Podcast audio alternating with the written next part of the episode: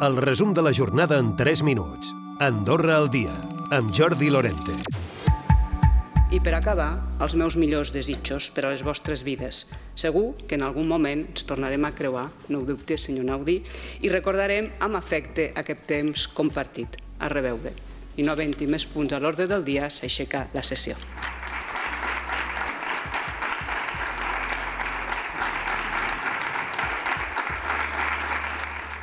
Era la síndica general Roser Sunyer tancant aquesta sessió de Consell General on s'ha aprovat el pressupost del 2023, l'última sessió d'aquesta legislatura, una aprovació del pressupost on el PS ha centrat novament part del seu rebuig a les xifres generals del govern perquè volia més inversió en habitatge.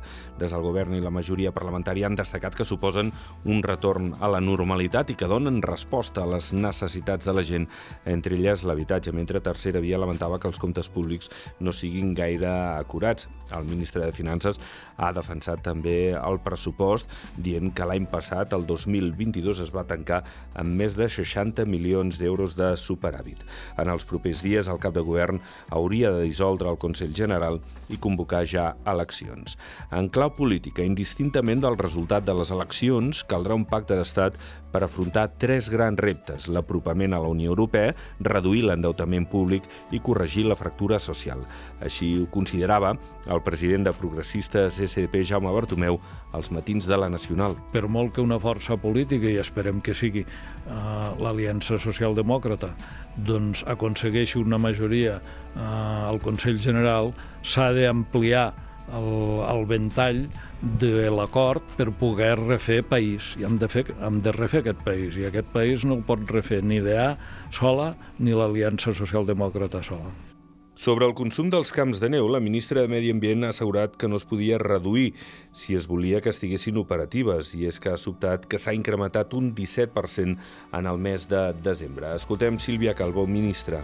Hem intentat doncs, eh, estalviar al màxim amb altres eh, punts eh, on sí que podien produir una reducció del seu consum, com és tot el, el tema de la restauració. Per tant, és veritat que és difícil reduir el seu consum Uh, si no s'ha de deixar fer neu artificial i um, penso que tampoc el que no volíem és que es tanquessin les estacions d'esquí. En plena temporada d'hivern, l'ocupació hotelera de la darrera setmana ha estat a prop del 85%. Així ho ha destacat la Unió Hotelera en un cap de setmana en què s'ha fregat el ple, en concret un 94%. I finalment, el futur camp que el Futbol Club Andorra volia construir a Prada de Moles ha quedat descartat per part del Club Tricolor i del Comú d'Encamp. El motiu és l'increment del pressupost inicial a causa de la conjuntura internacional i de l'encariment dels materials. De moment, el Club Tricolor continuarà jugant a l'Estadi Nacional aquesta i la pròxima temporada. Recupera el resum de la jornada cada dia a Andorra Difusió.